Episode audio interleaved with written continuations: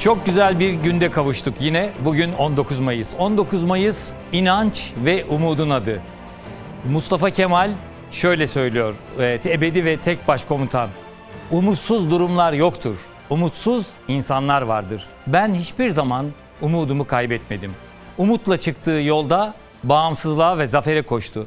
Bayramınız kutlu olsun Türkiye.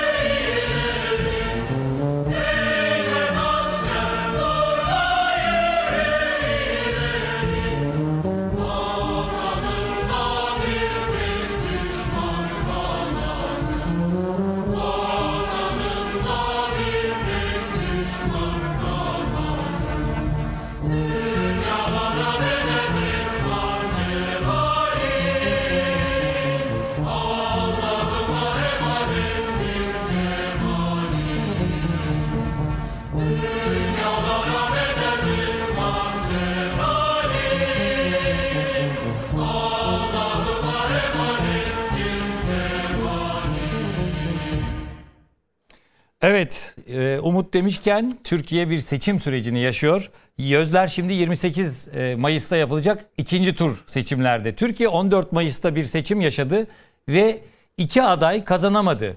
İki aday kazanamadı. Bu adaylardan biri Erdoğan, bir de Kılıçdaroğlu. E, yeni bir demokrasi şölenine hazırlanıyoruz. Yeni bir söylemlerle e, yeni söylemlerle iki aday da meydanlara çıkıyor. Unutmayalım bu bir demokrasi şöleni. İlk turda da bunun altını çizmiştik. Yeni söylemler demişken Kemal Kılıçdaroğlu, Millet İttifakı'nın Cumhurbaşkanı adayı Kemal Kılıçdaroğlu ilk turda seçilirse neler yapılacağını anlatmıştı. Şimdi başka bir taktikle kameralar karşısına çıktı. Seçilemezse neler olabileceğini anlattı. Farkında mısınız? Bunlar kalırsa 10 milyondan fazla sığınmacı daha Türkiye'ye gelecek. Farkında mısınız? Bunlar kalırsa dolar 30 liraya dayanacak. Bir kuru ekmek 10 liraya çıktığında sefalet derinleşecek. Bu kaçaklar, sığınmacılar potansiyel suç makinasına dönüşecek. Yağmalar başlayacak. Farkında mısınız? Bunlar kalırsa şehirler sığınmacıların, mafya çetelerinin uyuşturucu baronlarının kontrolüne geçecek. Farkında mısınız? Bunlar kalırsa kadın cinayetleri artarak devam edecek. Bunlar kalırsa domuz bağıyla insanlarımızı öldüren iktidara ortak olacak. Teröristlere taviz vererek ülkeyi yönetecek. Her meşrepten teröristi memlekete ve meclise sokacaklar. Biz buna asla izin vermeyeceğiz. Vatanını seven hiç kimse buna izin vermeyecek. Nokta. Milletimiz ilk turda yetkiyi iktidara vermeyerek bu sistemden ve bu zihniyetten memnuniyetsizliğini gayet açık bir şekilde ortaya koydu. Biz de sizlerin mesajlarını aldık. 28 Mayıs günü iki aday ve iki farklı anlayış daha önce bir seçimi olmamış gibi sıfırdan milletimizin karşısına çıkacak. Biz bu vatanı sokakta bulmadık. Milletim ayağa kalksın. Vatanını seven bizimle omuz omuza versin. Vatanını seven sandığa gelsin. En az bir milyon insan sandık başında olacağız. Güvenliği sağlayacağız. Sevgili vatandaşım, seni de oy attığın sandığın başında bekliyorum. Evet Kılıçdaroğlu vatanını seven sandığa gelsin diyor ve maç 0-0 başlıyor diyor. Deniz Zeyrek sen ne diyorsun? Ee, tespit doğru tabii. Ben o seçim gecesi benzer bir yorum yapmıştım burada. Yani ikinci turu birinci turdan bağımsız değerlendirmek lazım. Artık böyle çarşaf gibi bir pusulamız yok. Artık önümüzde bir tane böyle şunun yarısı kadar bir pusula olacak. Orada bir tarafında Tayyip Erdoğan'ın resmi olacak, bir tarafında Kemal Kılıçdaroğlu'nun adı olacak. Ee, hangisini seçeceksiniz diye. Bu bir şimdi birinci tur Tayyip Erdoğan için aynı zamanda bir referandumdu ve kaybetti. Yani halkın %50.4'ü Tayyip Erdoğan'la devam etmek istemediğini beyan etti. Şimdi ikinci tur o açıdan bence durumlar ortada. Yani Tayyip Erdoğan %49,5 aldı, Kemal Kılıçdaroğlu'ndan 2,5 milyon fazla oy aldı vesaire. Bu, bu tür nedenlerden dolayı illa o kazanacak diye bir şey yok.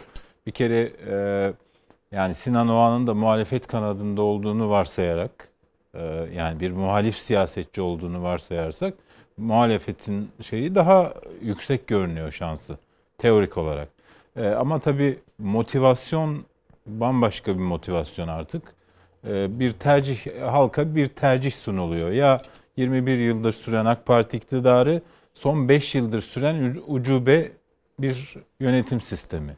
Ya bunu tercih edeceksiniz ya da Türkiye'yi e, Atatürk'ün işte 19 Mayıs, Mayıs'ta başladığı yürüyüşten sonra 2000, 1923'te e, kurduğu cumhuriyetin fabrika ayarlarına döneceksiniz. Yani demokrasi, hukuk devleti, e, milli egemenlik gibi kavramların üstüne sağlam basan, işte erkler arasında yasama, yürütme, bu bunların arasında bir denge olan bir ülkeye dönüştüreceksiniz. Bu kadar basit.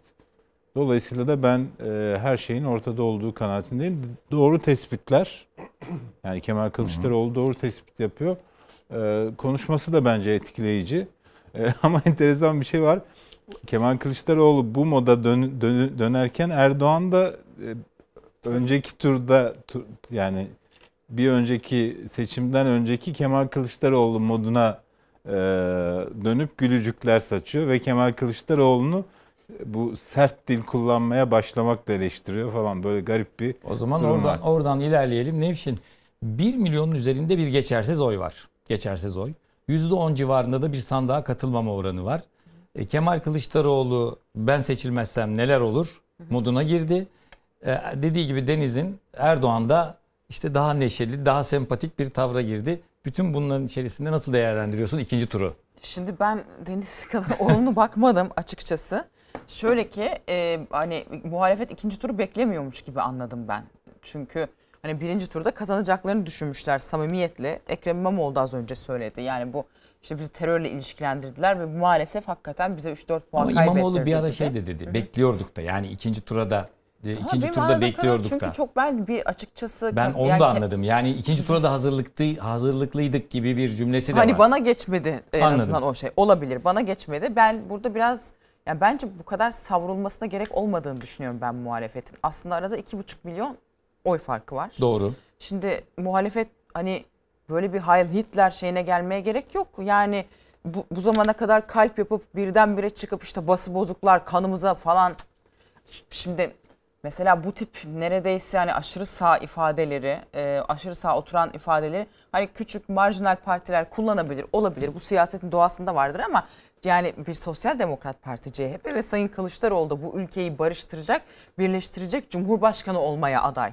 Dolayısıyla ben birdenbire bu kadar sertleşmeyi yani kalp yaparlarken böyle çok ağır ifadeler kullan. Ben hani seçmene ikna edici olur mu o konuda şüphelerim var. Yani e, dün bambaşkaydı şimdi bugün bambaşka. Hangisi diye düşünüyorum. Ben benim fikrim bu. Yo, yo, Katılmayanlar ben, olabilir. Ben şu açıdan Evet. e, şöyle düşünüyorum. Şimdi yüzde e, Yani Sinan Oğan'ın aldığı %5.2'lik bir oy var. Oy var. Evet. 2 milyon 800 bin kişi kadar ve bunların temel motivasyonu göçmenler, göçmen bak, karşıtlığı. Tamam o Yani motivasyonlardan sanki- bir tanesi. O motivasyondan Sanki bir Kemal tanesi. Kılıçdaroğlu o anlıyorum, 2 milyon 800 bini almak için böyle Evet bir yolu evet. seçti. Tabii tabii sanki. onda şey yok zaten. Onda bir beis yok. Onu öyle görmüşler. Onu anlamışlar. Ümit Özdağ da zaten Sayın Kılıçdaroğlu konuşurken ben konuşuyorum zannettim dedi. Fakat işte bu kadar savrulmaya gerek var mı? Onu ben anlayamıyorum. Zaten CHP biz göçmenleri alacağız bağrımıza basacağız demiyor ki. Bunun üzerine CHP'de kaç yılından beri çalışıyor. Türkiye'de bu iş hiç konuşulmazken Suriye konferansı yaptılar. Kaç senesiydi? 2016 senesi miydi? Siz de galiba oradayız. Hepimiz gittik dinledik. Zaten CHP'nin bu konuda bir politikası var ama dur bakalım oy alalım diye biz en şey ifadeleri kullanalım da seçmen bize baksın. Ben en azından Kemal Bey'e oturmadığını düşünüyorum. Çünkü Kemal Bey böyle bir lider değil. Kemal Bey böyle bir siyasi figür değil. Ya e, siyasi kariyerinin başından beri böyle değil ki biz Kemal Bey Gandhi Kemal diyebildik. Şimdi demokrat dede diyorduk. Şimdi ne diyeceğiz? Bozkurt dede mi diyeceğiz? Anlayamadım. Yani bu seçmene bence samimiyet önemli. Yani keşke Kemal Bey tamam anlıyorum bu bir referandum bakın artık iş ciddi demek istiyorlar ama bunu demenin yolu bu muydu? Benim orada kendimce kuşkularım var açıkçası. Peki az önce dedik ki iş kolay aslında. 2,5 milyon fark var ve bunu da Yok kapatabilir. yok iş kolay demedim. Hani ben tabii Ya ki buna benzer bir şey söyledin. Yani buna ihtiyaç da yok aslında gibi Bence bir şey bu kadar söyledin. savrulmak- İkinci turla ilgili Evet. mesela bu 2,5 milyonluk bir oy var. Sonuçta ortada az önce söylediğim gibi 1 milyon geçersiz oy var. %10 katılmama var. Mesela sadece İstanbul'da az önce Sayın İmamoğlu'na Evet. söyledim 1 milyon 800 Aynen. sandığa gitmemiş ki İstanbul'un İmamoğlu'nun ne kadar etkisi olduğunu, büyük şehirlerde CHP'nin veya Millet İttifakı'nın ne kadar önde olduğunu gördük. Bu ikinci tur e, nasıl değerlendiriyorsun burada? Evet. Zaten burada İmamoğlu'nun da söylediği aslında bu birinci tur bütün siyasi partiler için bir veri sunuyor. Tek tek sandıklara kim gitmemiş Evet. potansiyel seçmenlerinden onu görmenin verisini sunuyor.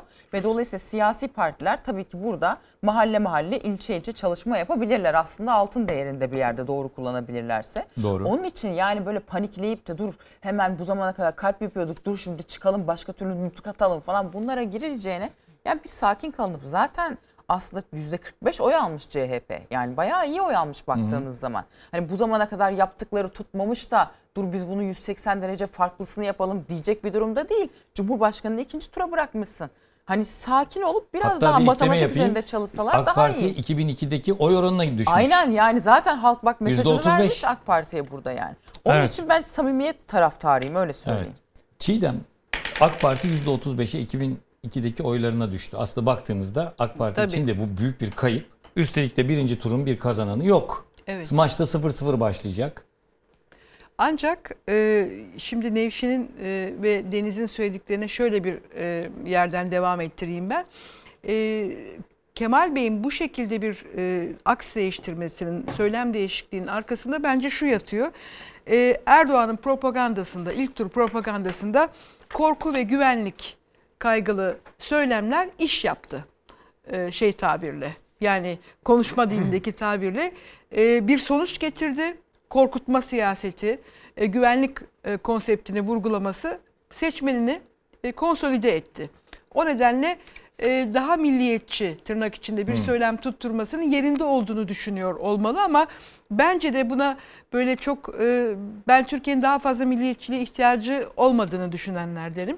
Bunu biraz daha yurtseverlik temelinde e, şey yapabiliriz. Açı- açılabilir yani. Çünkü ülkeseverlik başka bir şey, milliyet, milliyetçilik zaten bence başka bir şey. Kemal Bey'in milliyetçiliğinin tarifini de biliyor. Yani bence o konuda da bir e, Kemal Kılıçdaroğlu'nun bu milliyetçiliği Mustafa Kemal Atatürk'ün milliyetçilik şüphesiz, tarifiyle özdeş bir milliyetçilik. Kurucu partinin Tabii lideri her ki. şeyden önce. Yani ben mesela e, Erdoğan seçmeninin Erdoğan'a bağlılığının sürdüğünü gördüm bu seçim sonuçlarında. Vazgeçmediğini gördüm ama öte yandan baktığınızda da e, ekonomi e, ekonomiyle ilgili gelişmeler de çok önemli. Yani ekonomik kriz e, Türkiye'nin her yerinde aynı hissedilmiyor. Yani şehirlerde hissedilen e, ekonomik krizle kırsalda, iç kısımlarda hissedilen şeyler aynı değil. Bir kere çok milyonlarca e, devlet yardımı alan şeyler var, vatandaşlar var. Dolayısıyla devlet yardımı alan bu değişik başlıklar altında işte engelli yardımı var, evde bakım yardımı var. Yani hane bazında baktığınızda 25 milyona yakın e, bir seçmene tekabül ediyor. Dolayısıyla bu seçmenlerin Erdoğan'la e, bağını zayıflatması için bir sebep görmeyebiliriz. Yani meseleye bir de bu zaviyeden bakılabilir gibime geliyor. Peki oradan sorayım. Erdoğan'la bağını gevşetmeyen o seçmen aslında bizler gibi Millet İttifakı'nın seçmeni gibi ekonomideki bütün bu kötü gidişi iliklerine kadar hisseden bir seçmen.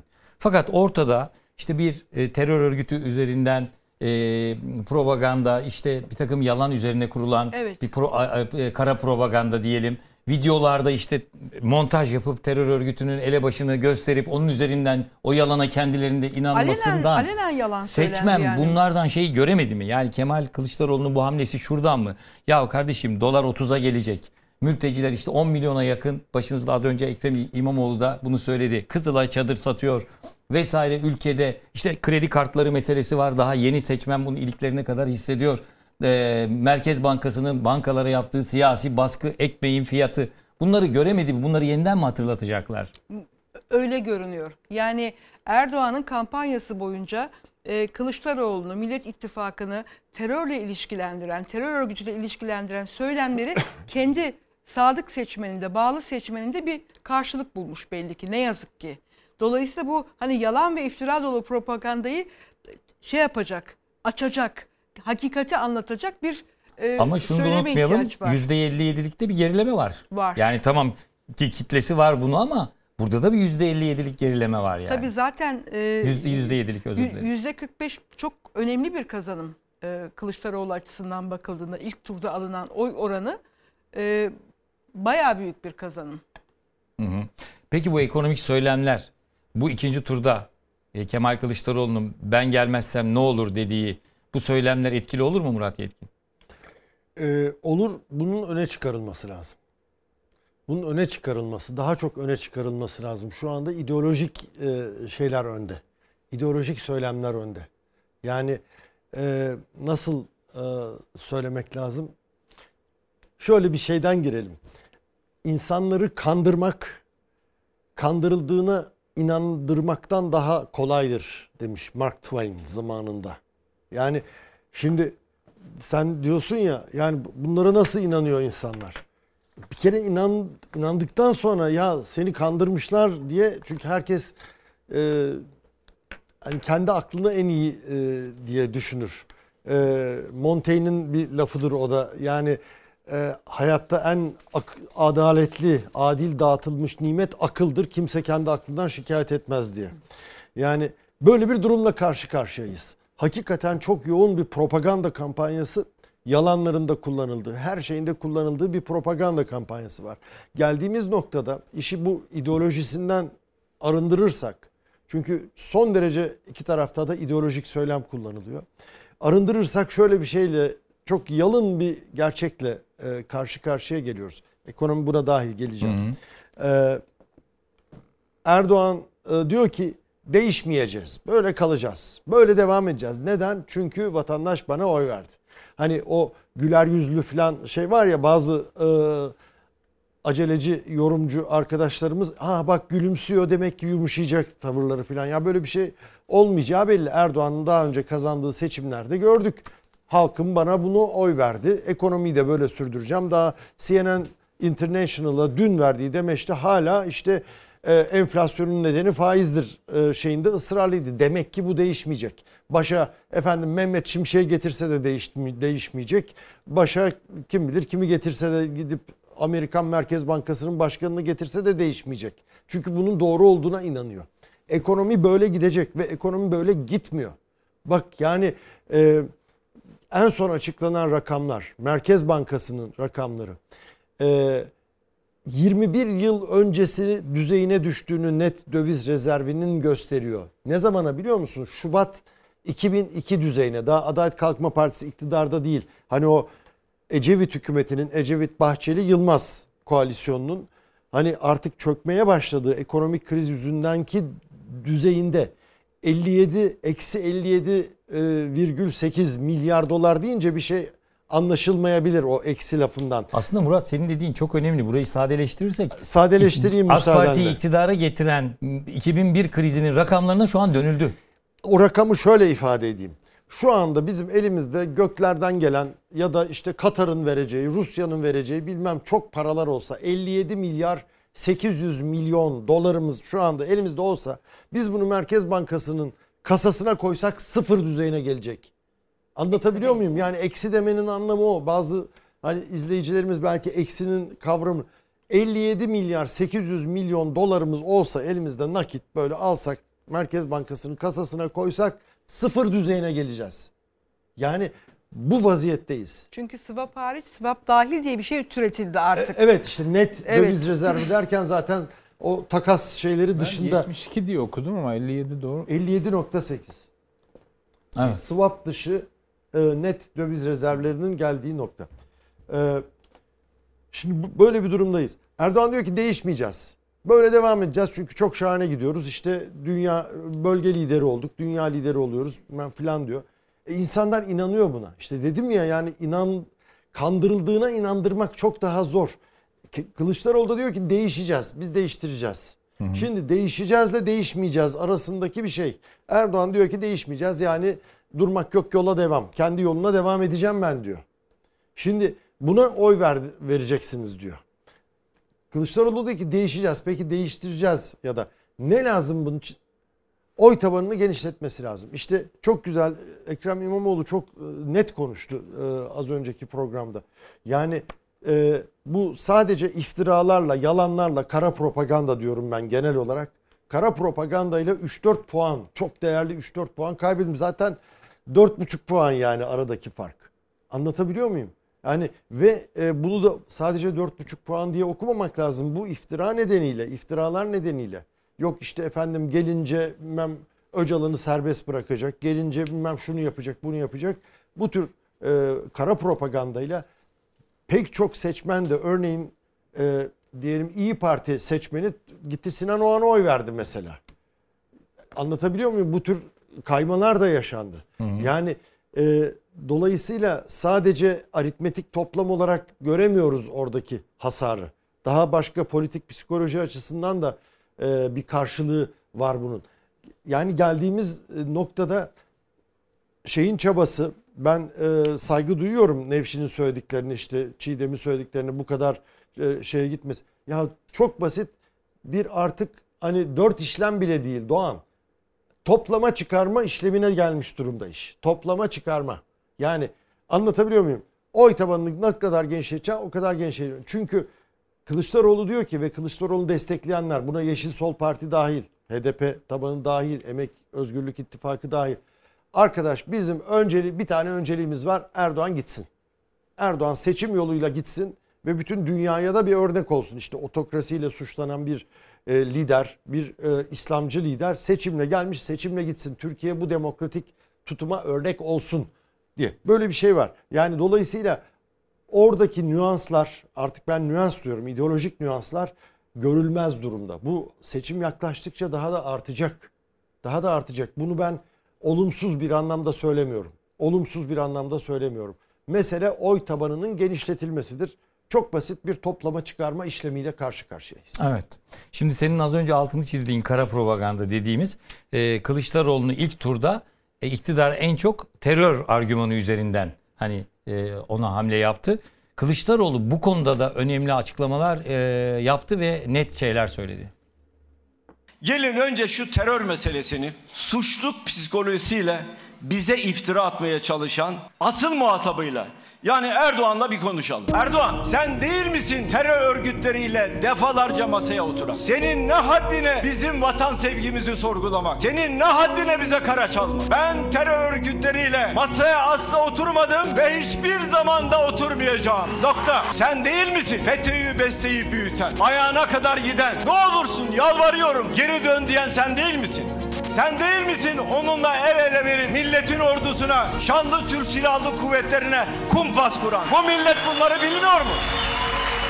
Ben hiçbir zaman Mehmetçiğimize kumpas kuranlarla yan yana durmadım. Asla ve asla durmayacağım. Nokta. Sen ülkenin sınırlarına, namusuna sahip çıkmadın. Bu ülkeye bile bile 10 milyondan fazla mülteci getirdin. Buradan ilan ediyorum. Ben iktidara gelir gelmez tüm mültecileri evlerine göndereceğim. Nokta. İki adet torbacıya öldürttüğünüz gerçek ülkücü kardeşimiz Sinan Ateş'in hesabını kuytuda saklanan suçlulardan soracağım.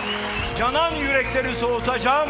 Nokta. Erdoğan sen parmağındaki tek yüzükte iktidara geldin. Eğer bu yüzükten fazla bir şeyin varsa bana hırsız diyebilirsiniz dedi. Ama şimdi kendini, aileni ve etrafındakilerin yedi sülalesini zengin ettin. Bak Erdoğan ben hiçbir zaman çalmadım, çırpmadım. Vatanını seven sandığa yazsın. Şimdi Deniz, Cumhurbaşkanı Erdoğan Kılıçdaroğlu'nun se- seçim kliplerini teröristleri e, bir takım sözlerini montajlattı. Bu tamamen asılsız bir şekilde. Yani o klibin doğasında olmayan bir şeyi getirdi dışarıdan oraya kattı. Bunu miting meydanlarında bu yalanı kurdu, insanlara söyledi. Sonra kendi kurduğu yalanlara e, televizyon programlarında da inandı. Fakat benim sorum şu. Şimdi görüyoruz ki az önce de söyledim Çiğdem'le konuşurken AK Parti bu seçimde 7 puan kaybetti. Yani 7 puan kaybetti ve 2002 e, şeylerine döndü, oranlarına döndü. Şimdi görüyoruz ki bu yapılan bu kara propaganda e, dediği Murat'ın da şey AK Parti'de çok etkili olmadığı görülüyor. Bu başka yerlerde mi etkili oldu? Yani benim kafamı kurcalayan şey şu. MHP'de mi etkili oldu? MHP'nin seçmeninde mi etkili oldu? Evet. Yani ben şimdi buraya gelmeden önce haber merkezinde televizyona bakarken e, iktidar yanlısı bir kanalda bir tartışma programı vardı. Ortasında Kılıçdaroğlu'nun resmi vardı. Yanında da tırnak içine alınarak yazılmış şu bilgiler vardı. Osman Kavala'nın serbest bırakılmasını istiyorsanız bize katılacaksınız. Şimdi bu bu konuda ben mesela Osman Kavala'nın bırakılması gerektiğini düşünüyorum. Yapılan şey gayet hukuksuz bir şeydir. Bunun savunulacak bir tarafı da yoktur. Gayet Onun tabii. için hani ama netice itibariyle Tayyip Erdoğan kendi tabanında Osman Kavala'yı öyle bir öcüleştirdi ki Kemal Kılıçdaroğlu Osman Kavala'yı serbest bırakacağım diye bir cümleyi ki böyle bir cümlesi yok Kemal Kılıçdaroğlu'nun kullanıyor. İki, Selahattin Demirtaş'ın bunların hepsi Kemal Kılıçdaroğlu'nun yanında fotoğrafının yanında tırnak içinde veriliyor. Selahattin Demirtaş'ın serbest bırakılmasını istiyorsanız bize katılacaksınız. 3. KHK ile ihraç edilenlerin tamamını görevlerine iade edeceğim. 4. Yerel yönetimlere özellik şartını mutlaka getireceğiz. 5. Kayyum denen garabeti tümüyle bitireceğiz. 6. Terörle mücadele yasası değiştirilecek. Bunların hepsi tırnak içinde ve Kemal Kılıçdaroğlu'nun fotoğrafının yanında yer alıyor. Senin söylediğin şey çok e, doğru bir tespit. Biraz önce biz hani program öncesinde karşılaştığımızda ben onu dinliyordum. Rahmetli Süleyman Demirel'in bir tespiti var. Memleket meselelerini bu şekilde öne çıkarırsanız Türk milliyetçiliği artar. Yani terör tehdidini gösterirseniz, insanları terör tehdidiyle korkutursanız, beka meselesiyle korkutursanız vesaire e, Türk milliyetçiliği büyür. Çünkü Türk milliyetçiliğinin böyle bir refleksi vardır. Memlekette ne zaman bu tür şeyler ön plana çıksa, çıkarılsa Türk milliyetçiliği hemen harekete geçer gibi bir tespiti vardı. Yani biraz önce e, karşılaştığımızda dinlediğim şey oydu. Burada da böyle bir şey yapıldı. Yani AK Parti'nin tabanında çok da şey değil işte. AK Parti'nin tabanı yeniden refahla, Hüdapar'la falan aynı. Yani onlar için e, ümmet fikri daha ön planda. Dolayısıyla öyle Türk milliyetçiliği falan dertleri yok. Bunu biliyorum ben. Tayyip Erdoğan milliyetçiliği ayaklarımızın altına aldık derken içtenlikle söylüyordu. Politika falan yapmıyordu. Gerçekten de e, böyle düşündüğü için yani O zaman öyle düşündüğü için. şimdi de öyle düşünüyor. Şimdi bence Pek göremiyoruz. Yo yo şimdi de sadece e, Bahçeli'ye, MHP'ye çok büyük ihtiyacı var.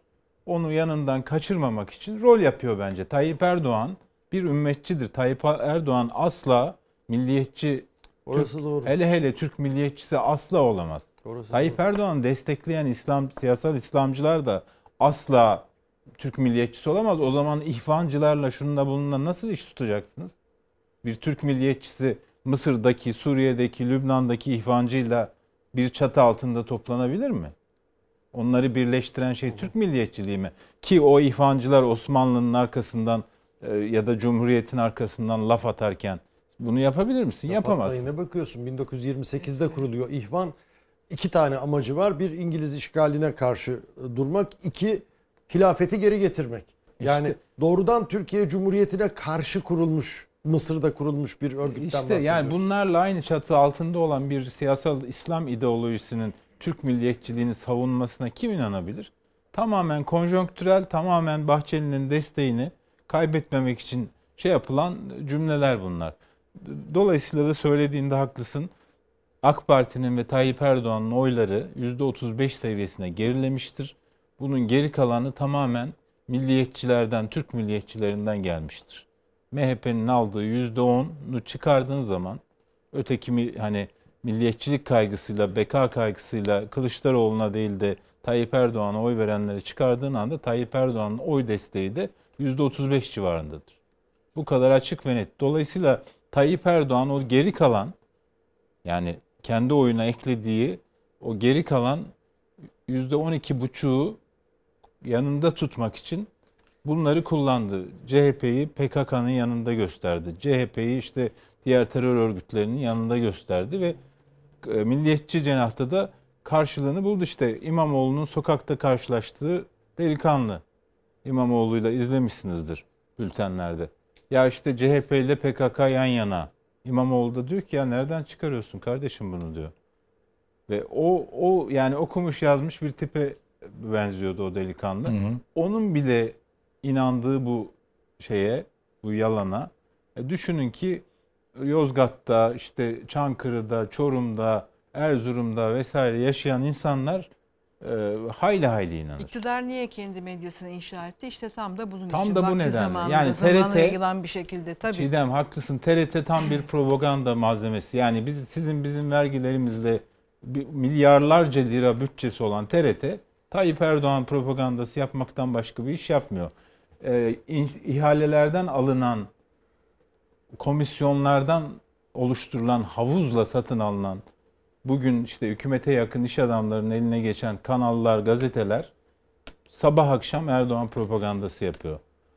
Şimdi demin sıraladığın cümleler var ya bit, bittiyse kusura Tabii, tabii, ona, ona bir ilavede Lütfen. bulunmak istiyorum. Şimdi tırnak içi diye Sayın Kılıçdaroğlu'na atfen aktarılan bu cümlelerle e, iktidar medyası aslında görevini yapıyor.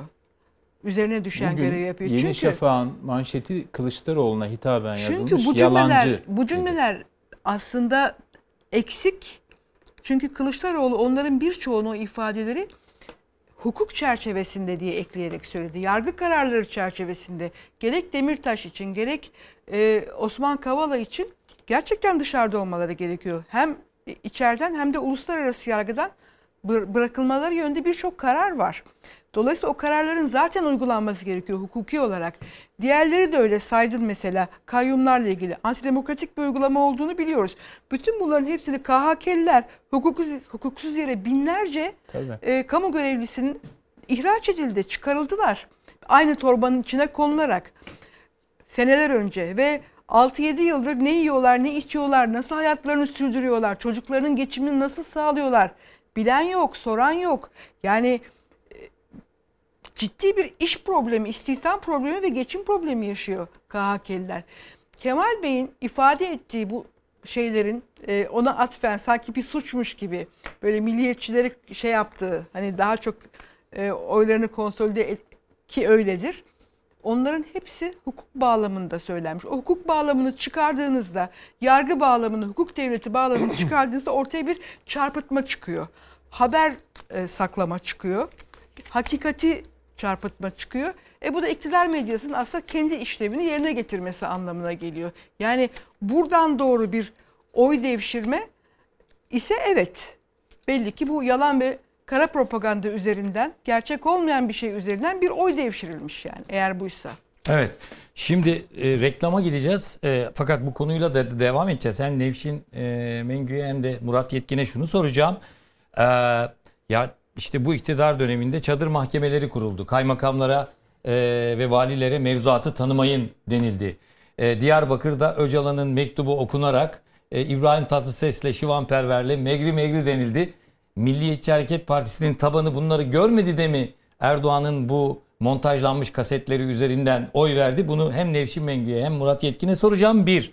İkincisi, ikincisi Hüdapar meselesine geleceğiz. Mesela Milliyet, MHP ile e, AKP arasındaki en büyük yumuşak e, karından bir tanesi, fay hattından bir tanesi Hüdapar meselesi. Anayasanın ilk dört ma- e, maddesini değiştirmek isteyen, bayrağı tartışmaya açan, Türkiye Cumhuriyeti bayrağı, ay yıldızımızı tartışmaya açan e, Hüdapar meselesine geleceğiz ve Sinan Oğan meselesine geleceğiz. Sinan Oğan Ata İttifakı kararını Millet İttifakı'ndan mı Cumhur İttifakı'ndan mı verecek? Bunlara e, geleceğiz ve reklama gidiyoruz. Ondan sonra uzun uzun konuşacağız. Evet, e, uzun e, konuşacağız. Artık reklamımız yok. Uzun süre e, pek çok konuyu masaya yatıracağız. Ne konuşuyorduk reklamdan önce? E, AK Parti'nin özellikle bu kurgu kliplerle Kılıçdaroğlu'nu terör argümanı üzerinden e, yüklenmesi AK Parti seçmeninde çok etkili olmuş gibi görülmüyor. Çünkü AK Parti bu seçimde birinci turda 7 puan geriledi. 7 puan geriledi. E, ben Deniz Zeyre'ye şöyle bir soru sormuştum. MHP'ye mi gitti? Hani bu söylem MHP'de mi etkili oldu? O da evet e, bu konuda ya benimle aynı görüşteydi. Peki ben Nevşin Mengü'ye şunu sormak istiyorum. MHP seçmeninde bu etkili oldu da MHP seçmenin hafızasında şey yok mu? Bu iktidarla birlikte yürüdükleri bu iktidarın terör örgütüyle geçmişte görüştüğü, flört ettiği, çadır mahkemeleri kurduğu, e, valilere, kaymakamlara Erdoğan'ın mevzuatı tanımayın dediği, Diyarbakır'da Öcalan'ın mektubunu okuttuğu, devletin televizyonuna Öcalan'ın kardeşini çıkardığını MHP'liler görmedi mi? Valla şimdi tabii öyle bir şey var ki e, normalde çok uzun süre iktidar dezavantajdır ya e, yıpratır. Maşallah bizde bu avantaj haline geldi. Şöyle ki yani Sayın Erdoğan iktidara geldi. Ben genç kızdım. Şimdi emekliyim geldi neredeyse. Yani EYT'li olsam emekli olacağım. bir, bir iki yılla kaçırdım. Şimdi sanki başka bir hayatmış gibi. O kadar uzun yıllar geçti ki o mesela gençlerin çoğu hatırlamıyor. Hatırlasa da bağ kuramıyor. Yani bilmiyor zaten. Hani o dönemler çözüm sürecinin yürütüldüğü dönemler falan bambaşka bir ortam vardı. Bambaşka bir şey vardı. Şimdi burada Sayın Erdoğan demek ki seçmenini ne yaparsa ikna edebiliyor. Bu adama bunu teslim etmek lazım. Yani diyor ki artık belki kendisi samimi olarak öyle inandığı için geçiyor veya ikna kabiliyeti yüksek. Diyor ki yani ben o zaman hata yaptım diyor. Hata yaptım. E, kandırıldım kandırılmışım kusura bakmayın diyor devam ediyor ve seçmenini bir şekilde ikna edebiliyor. Fakat şimdi bu seçimde tabii hani %35'e inmiş 2002 seviyesine inmiş diyoruz. Şimdi ona bakıyorum ben de siyaset bilimci arkadaşlar böyle e, verileri analiz edip harita çıkarıyorlar. Mesela e, Erdoğan'ın %3'ten fazla oy kaybettiği yerler nereler biliyor musunuz? Bize metropoller mi falan diyor. Değil aslında İç Anadolu. İç Anadolu İç Ege'de e, kaybetmiş baktığınız zaman. Anadolu Nereye kırsalında. kaybetmiş? Bütün işte İç Anadolu'yu kaybetmiş. Yani Hayır, hayır, yani nereye gitmiş o kaybettikleri? Burada nereye gitmiş bunu bilmiyorum. Tek tek bakmak lazım aritmetiğine. Herhalde bir kısmı MHP'ye gitmiş %10. Mu ora öyle mi bakmak lazım nereye gitmiş olduğundan. Ona e, bilmiyorum. Belki daha detaylı incelemek lazım. Kim oy arttırdı diye düşünecek olursan Evet. merkez sağda bilmiyorum. Tek tek bak belki bir kısmı zafere gitti falan. Bakmak lazım ama %3 e, şeyde kaybetmiş. İç Anadolu'da, İç Ege'de kaybetmiş. Ee, mesela aslında Diyarbakır'da oy arttırmış Erdoğan. Doğu Anadolu'da oy arttırmış. İlginç yani. Enteresan. Şimdi bu belki onun tepkisi mi? Ekonomik krizin tepkisi mi? İkisi de olabilir. Biraz daha zaman içerisinde ve belki ikinci turdan sonra anlayacağız. Ama şu da bizim elimizde bir veri olabilir. Ee, bu işte Sinan Oğan şimdi bir hani kingmaker yani seçimin anahtarı mı olacak tartışması da varken bu akşam dün bugün de işte gün boyu şeyler görüşmeler oldu herhalde Evet. onu da açarız. Şimdi bu Türkiye raporu Can Selçuk'i bununla ilgili bir rapor hazırlamış. Ee, MHP değil bakın MHP'den çok düşük o ana giden. Fakat AK Parti'den Sinan Oğan'a giden oy 800 bin kadar. İyi Parti'den giden 850 bin kadar. Zaten arada 2,5 milyonluk bir oy fark var ya. AK Parti bunu şöyle zaten okuyorlardı aslında araştırmacılar. AK Partili ailelerin çocukları e, artık annelerinden babalarından farklı düşünüyor. Farklı bir alternatif arıyorlar. Kime oy vereceğiz diyorlar. Hani Erdoğan'la da çok bağ kuramıyorlar. Onun için o an bir alternatif oluyor diyorlardı. Herhalde böyle de bir e, etki olabilir diye anlıyorum ben. Peki Murat, e, Sinan Ateş sui- suikasti var biliyorsun. Sinan Ateş meselesi MHP'ye birinci turda işte bütün e, kamuoyu araştırmacılarının, siyaset yorumcularının bayağı bir puan kaybettireceği yönünde yorumlar vardı.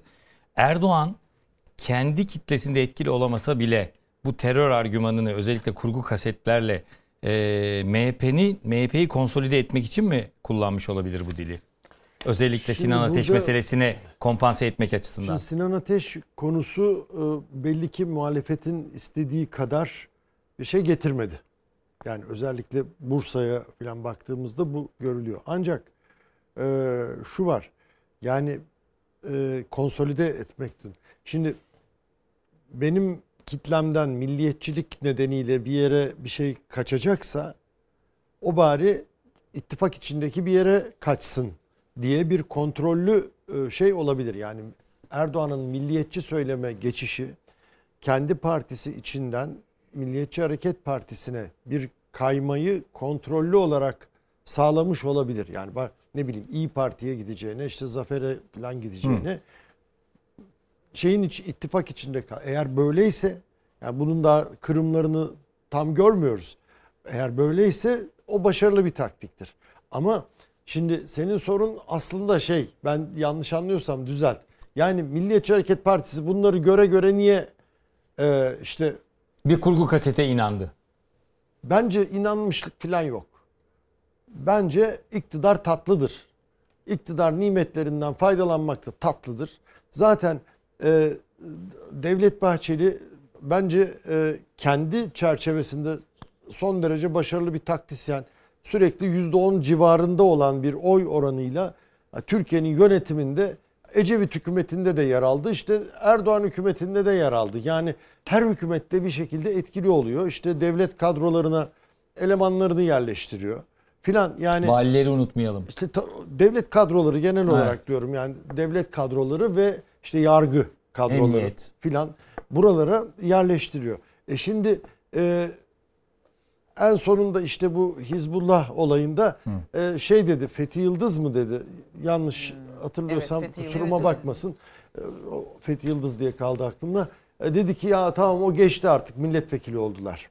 filan. Yani e, çok rahat bir e, şey bulunabiliyor Artık gerekçe Türkiye'ye bağlılar dedi. efendim Artık Türkiye'ye bağlılar artık dedi. Türkiye'ye bağlılar dedi neyse yani Böyle bir test mekanizması şey varsa hani aklanmış oldular. Hani AK Parti milletvekili olup aklandılar e, filan gibi böyle bir şey kullandı, ifade kullandı. Dolayısıyla ben Milliyetçi Hareket Partisi yönetiminin e, ve tabanın yani bu işin farkında olmayıp işte oradaki montaj kasetlere inandığı filan kanaatinde değilim. Onlar Milliyetçi Hareket Partisi tabanına yönelik de değil zaten. AK Parti tabanına yönelik. Yani bunu şey yapalım. Ee, ve orada e, bir şeyi sağladı. Ee, yani siz iktidardan iktidarda kalmak istiyor musunuz arkadaş? Kalmak istiyoruz. O zaman bunu bunu yapacağız mecburen. Şimdi bakın yani Sinan Oğan'a değindik. Ee, ve hani e, Süleyman Soylu'nun İçişleri Bakanı'nın bir lafı var. İşte biz yüzde 49,5'ta durduk isteseydik aşardık diye bunu e, Cumhurbaşkanı da CNN International'da söyledi. Yani hani bunu söylemesi bile aslında bir şeyleri ayarlayabilecekleri ihtimalini yani akla getiriyor. İşte biz e, madem diktatörmüşüz, diktatör diyorlar. işte ikinci tura kalan diktatör mü olur filan diye. Şimdi bütün bunları böyle alt alta e, koyduğumuz zaman bir e, gerçekle, ikinci tura yönelik bir gerçekle de karşılaşıyoruz. Daha dün daha dün Cumhurbaşkanı işte CNN International'da ben e, pazarlık yapmam dedi Sinan Oğan'la. Dün. Bugün görüştü. Şimdi o bandı izleyelim. Tam Olur, sırası görüşelim. geldi. Onun o bandı bir Hüseyin izleyelim. CNN ben. International'da ne söyledi Erdoğan bir bakalım. İkinci tura Ben bu şekilde müzakere etmeyi seven biri değilim. Bu işin kaderini belirleyecek olan Türk halkıdır. Sinan Oğan'ın isteklerine boyun eğmeyeceğim. O an ikinci turda yarışmıyor. Bu iş bitti. İkinci turda Kılıçdaroğlu ve Erdoğan var. Şu anda e, Sinan Ogan'ın müşterisi çok. Yani Sinan Bey'in de çok havaya girmesi yanlış. Aldığınız oyu pazarlamaya kalkarsanız ne yapıyorsun kardeşim yani benim sana verdiğim oyları senin pazarlık konusu yapma hakkını kim verdi diye sorar seçmen. Şimdi bunu dedi Erdoğan. Sonra Sinan Oğan'la görüştü. Ondan önce de Ata İttifakı'nın lideri e, Ümit Özdağ Kemal Bey'le görüştü. Tam onun öncesinde. Evet öncesinde. Yani arada şöyle görüşmeyeceğim, pazarlık yapmayacağım. Sonra Kemal Kılıçdaroğlu Ümit Özdağ'la görüşüyor. Sonra bir bakıyoruz ha görüştü Sinan Oğan'la. Şimdi e, zor durumda olmasa yani bu kadar kendinden emin olsa görüşür müydü? Bu birinci soru. İkinci soru kulislerde, siyaset kulislerinde çok e, sorulan bir soru daha var. Onu paylaşalım e, izleyicilerimizle. Acaba e, Azerbaycan Cumhurbaşkanı İlham Aliyev'in bu görüşmenin sağlanmasında yani Erdoğan ve Sinan Oğan arasındaki görüşmenin sağlanmasında bir payı oldu mu? Öyle mi? Böyle konuşuluyor. Şimdi bu saatte hani e, sorup cevap alacak şeyimiz yok. Yani gece yarısını geçtik. Ama bu çok yoğun konuşuluyor. Tekrar edeyim. Azerbaycan Cumhurbaşkanı İlham Aliyev'in Sinan Oğan e, ve Cumhurbaşkanı Erdoğan arasındaki bu görüşmenin yapılmasında daha önce hani yapılması beklenmeyen Sayın Cumhurbaşkanı programında yok. Programında açıklanmış günlük programında da yok. Ee, Ankara'dan uçağa atlayıp İstanbul'a gelip burada görüşmesinde acaba Azerbaycan Cumhurbaşkanı İlham Aliyev'in bir rolü oldu Peki mu? Murat e, ben bunu biliyorum. Hani Aliyev neden devreye girmiş olabileceğini bir gazeteci olarak geçmişi bilen Bende bir de insan var olarak biliyorum. bilgiler de teyit Fakat edilmemiş bizi izleyen diye. izleyicilerimiz aralarında özellikle de ne alaka diyen izleyicilerimiz çıkmış olabilir. Ona ne diyorsun? Valla Azerbaycan'la Türkiye arasındaki ilişkiler çok yakın. Bu da gayet şey yani doğal. Hani iki devlet bir millet e, şeyi var. İşte boru hattı var Bakü Tiflis Ceyhan. E, gaz anlaşmaları var. E, Türkiye üzerinden üçüncü ülkelere yapılan anlaşmalar var. İşte Azerbaycan'ın Ermenistan işgali altındaki topraklarının e, kurtarılmasında Türkiye'nin çok önemli bir katkısı oldu. E, Türkiye'de işte e, şeyin Azerbaycan petrol şirketi Sokar'ın büyük temsilcilikleri var. Yani e, ya dolayısıyla Azerbaycan ve Türkiye arasında böyle bir çıkar e, şeyi var. hı. Doğal yani bir işbirliği. E, acaba bunun için ha Sinan Oğan burada resminde ne şey yapıyor? Burasını işte sorumuz yani soruyu sormuş oluyoruz Yalnız Sinan Oğan neticede. hakikaten de yorgun görünüyor. Rahatsız olmasına rağmen gidip görüşmüş. Öyle. Bayağı gözlerde Ben, torbalar var e, normalde ben, bu kadar e, şey. bu Serum- liderler serum Fox- falan aldığı söyleniyor. Evet evet liderler e, Fox için yayına davet ettim. Hatta e, kararlaştırmıştık da gününü. E, fakat rahatsız olduğunu biliyorum. Serum aldığını ve bu iyileştikten sonra çıkabileceğini söyledi. Zaten dikkat edersen Nevşin seçim gecesi bağlandığımızda da konuşmakta bayağı e, zorlanmıştı. Ses tellerinde bir sıkıntı varmış. Peki Deniz, e, Murat Aliyev'in devreye girdiği iddiaları var dedi Ankara'da bu görüşmeyi sağlamak için Erdoğan'la. E, o anın ki hele bir de Erdoğan bu CNN'e verdiği mesajdan sonra görüştüğüne göre gerçekten hani bu iddiada güçlü olmuş olabilir. Peki bir yandan da Ümit Özdağ bu görüşme öncesinde Kemal Bey ile görüştü. Ata İttifakı 5.17 gibi bir oy aldı. Bayağı da hani ikinci turda önemli bir şeyi var. Nereye evrilir? Nereye doğru gider Ata İttifak ve Sinan Oğan? Ne görüyorsun? Cumhur İttifakı'na mı? Millet İttifakı'na mı ikinci turda? Ya bir pazarlık görüntüsü var maalesef. Yani pazarlıkta da bu tür pazarlıklarda da genelde kim daha çok verirse o kazanıyor ama ben Sinan Oğan kendisi televizyon programında söylemişti. Ee, yani bana oy veren herkes ben şuraya oy verin dediğim zaman oraya oy verecek diye bir şey yok dedi. Bu e, oy tercihlerine, milletin iradesine saygısızlık olur. Yani böyle düşünmek, buna inanmak. Hı. Dolayısıyla da Sinan Oğan'a e, oy verenler e, iktidarın göçmen politikalarını benimsemeyen insanlar. Dolayısıyla e, belki de Kılıçdaroğlu'nun biraz önce Nevşin tarafından eleştirilen o göçmen karşıtı söylemi de e, o insanların biraz e, işte gönlünü almak için yapılmış bir konuşma gibi görünüyor. Yani Sinan Oğan ne yaparsa yapsın, kimi desteklerse desteklesin, e, ona oy verenler iktidarın göçmen politikasına karşı olduğu için ya sandığa gitmezler ya muhalefettekine oy verirler gibi bir mantıkla hareket ediliyor. Yani ben e, Ümit Özdağ'ın etkileyebileceği bir kitle olduğunu düşünüyorum. Çünkü e, Zafer Partisi'ne oy vermiş bir e, 1 milyona yakın insan var. Yani onlar e, Ümit Özdağ'ın sözüyle e, muhalefetin adayını ya da iktidarın adayını destekleyebilirler. Çünkü siyasal bir e, parti, partinin tavrı, o, o tavra şey yapan seçmenler ama Sinan Oğan biraz bağımsız bir figür siyaseten.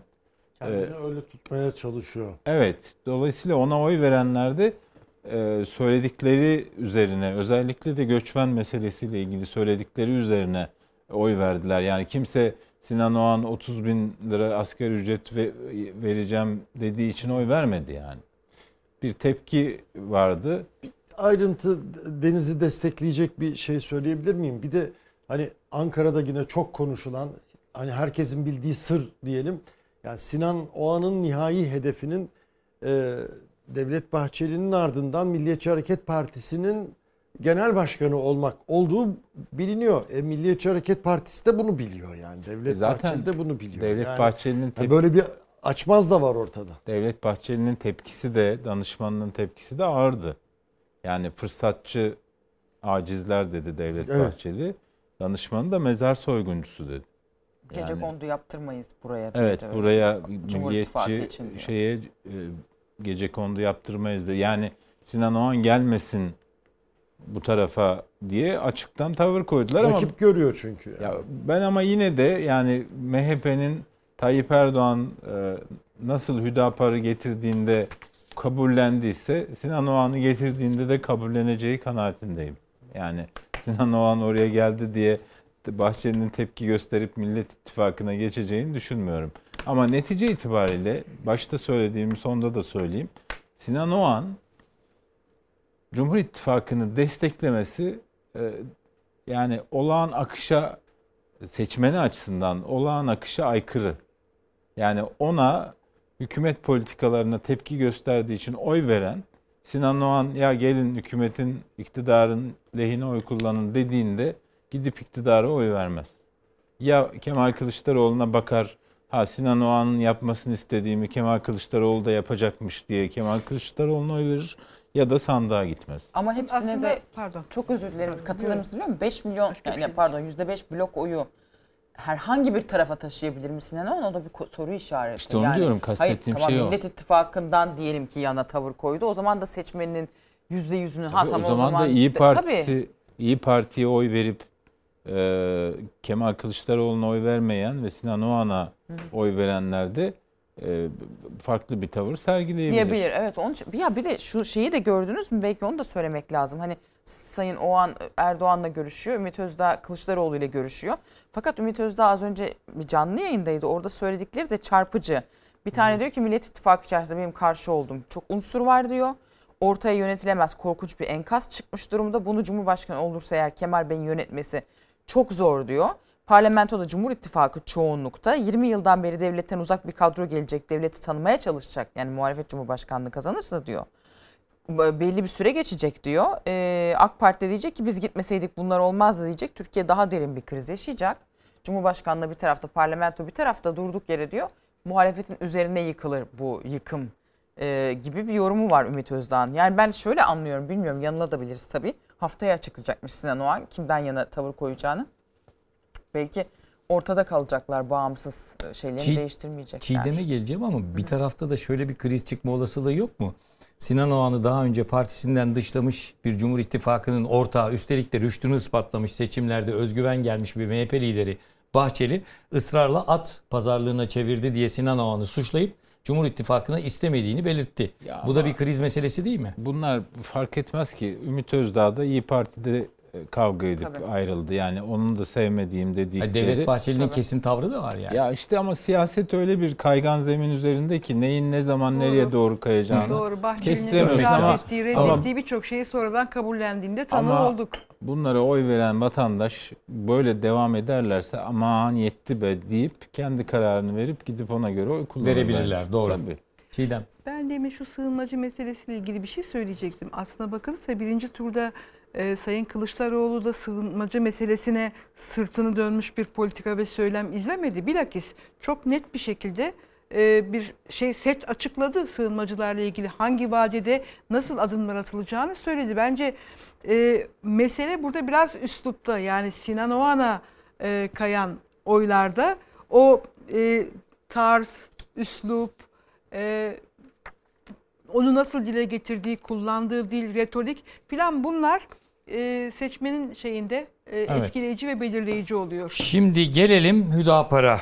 Ee, terör örgütü Hizbullah'a terör örgütü diyemeyen Hüdapar AK Parti listelerinden 4 tane milletvekilini meclise soktu. Önümüzdeki günlerde bunlar yemin edecekler. Atatürk ilke ve inkılaplarına diye başlayan o şeyi Kullanacaklar mı, kullanmayacaklar mı göreceğiz. Bugün de epey konuşuldu. Hatta onlar bir açıklama yaptılar vesaire. Zekeriya Yapıcıoğlu Genel Başkan kendisine bir televizyon programında sorulduğunda bakarız demişti. Fakat ondan daha da öte bir şey daha ortaya çıktı. Ee, Zekeriya Yapıcıoğlu bir televizyon programında yine bu yıl içerisinde sanıyorum Eylül ayı içerisinde sadece Hizbullah terör örgütü değildir demiyor. PKK da terör örgütü değildir diyor. İzleyelim. Çok net şunu söyleyebiliyor musunuz? Hizbullah terör örgütü müdür diye sorsam. Hayır, çok net söylemiyorum. Değil midir? Bilmiyorum. Bilmiyor musunuz? Anlamadım. Hizbullah terör örgütü müdür diye sorsam. Bilmiyorum mu? Siz öyle algılayabilirsiniz. Ben öyle isimlendirmiyorum. Ha, değildir dediniz. Tamam anladım. E ama Türkiye Cumhuriyeti Hizbullah'a terör örgütü demiyor mu? Diyor. PKK'ya da diyor. Diyor. Ama siz demiyorsunuz değil mi? Demiyorum. Bu yemini edeceksiniz. Bakacağız. Nasıl olacak? Metinler zaman içerisinde eskir. AK Parti yemin metnine itiraz kriziyle karşı karşıya meclise taşıdığı Hüdaparcıların Türk milleti lafına itiraz olduğu için, Atatürk lafına itirazı olduğu için Şimdi bir kriz çıkmış. Hüdapar'ın dört tane vekili. Bu yeminle ilgili sorunları var. Biz AK Parti'ye baskı yapıyormuşuz. Şu yemin metnini değiştir diyormuşuz. Her gün yeni bir yalan. Her gün yeni bir tezvirat.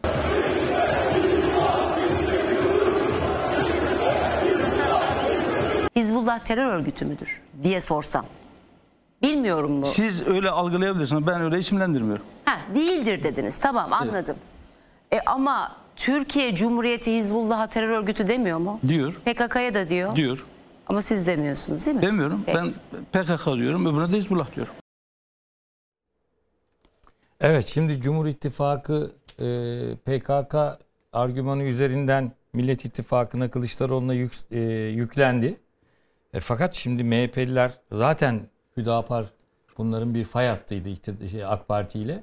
E şimdi PKK'ya da terör örgütü değildir diyor e, Hüdapar Genel Başkanı Yapıcıoğlu. Nasıl değerlendiriyorsun bunu? Tabii yemin meselesi var ama asıl kadın meselesine geleceğiz. Hem Nevşin'e de soracağım. Yemin kadın meselesi meselesi bir kadın kere olarak. şöyle milletvekili e, olabilmek için tamamlayıcı bir usulü çok önemli bir esasa ilişkin esası etkileyecek kadar önemli bir usulü işlemdir. Dolayısıyla e, bir kere o yemini vekillik yapmak istiyorlarsa etmek durumundalar, zorundalar. Hı hı. Onu onu söyleyeyim. E, diğer konuda da bence hani MHP zaviyesinden bakılırsa pragmatizmin sınırı yok yani. E, terör örgütü değildir desin, istediği kadar desin. Yani öyle bir an, öyle bir dinamik gelir ki e, Milliyetçi Hareket Partisi ve onun yönetimi e, buna da yutkunmak durumunda kalabilir. Daha doğrusu böyle bir şey olursa biz buna şaşırmayız. Yani ilkesel bir karşı çıkış mı bekleyeceğiz? Bilmiyorum. Evet. Öyle Evet. düşünüyorum. Şimdi bu kadın meselesi çok önemli Hüdapar'ın. En önemli Ben mesele şimdi o. sana da Nevşin'e de ve e, e, yemin meselesinde de Deniz'e soracağım ama yemin sen istersen Deniz şu yemin meselesi konusunda senin görüşlerin ya Murat'ın da görüşlerini alalım sonra kadın meselesinden gidelim. Ya benim gördüğüm kadarıyla Nevşin de iktidar, yemin meselesinde iktidar görüşleri e, yani Hüdapar Başkanı e, inkar etse de iktidarın yemin törenini ikinci tur sonrasına bırakma çabasının altında iki tane önemli şey var. Bir tanesi e, bakanların milletvekili seçen, seçilen bakanların durumuyla ilgili muamma.